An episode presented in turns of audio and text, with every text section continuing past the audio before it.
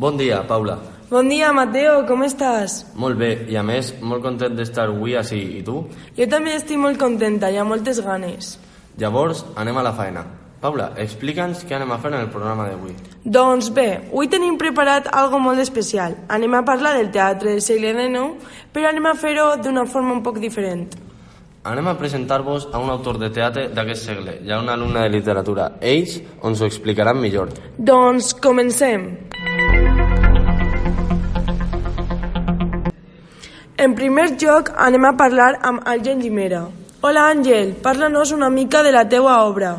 Hola, bon dia. Rei Monjo és una tragèdia en tres actes i en vers que s'ha estrenat al Teatre Romea de Barcelona la vetlla del 4 de febrer d'aquest any. L'escena representada té lloc al monestir de Sant Joan de la Penya al segle XII.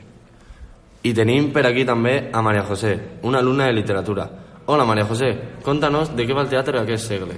Hola, Mateo. Història del teatre català és la història del conjunt de produccions teatrals en llengua catalana.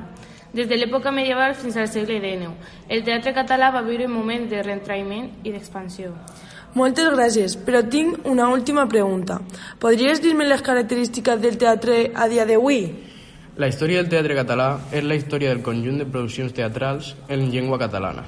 Des de l'època medieval fins al segle XIX, el teatre català ha viscut moments de retraïment i d'expansió. Mai, però almenys en l'àmbit popular, no va cessar l'activitat. I a més, alguns dels referents més antics, com els misteris medievals, es mantenen vius en el vostre segle. Perduren les tragèdies del menorquí Joan Ramís, les paròdies de Serafi Pitarra i els drames realistes d'Àngel Guimera. Doncs, hasta així el dia d'avui. Ens despedim fins demà. Adeu. Adeu.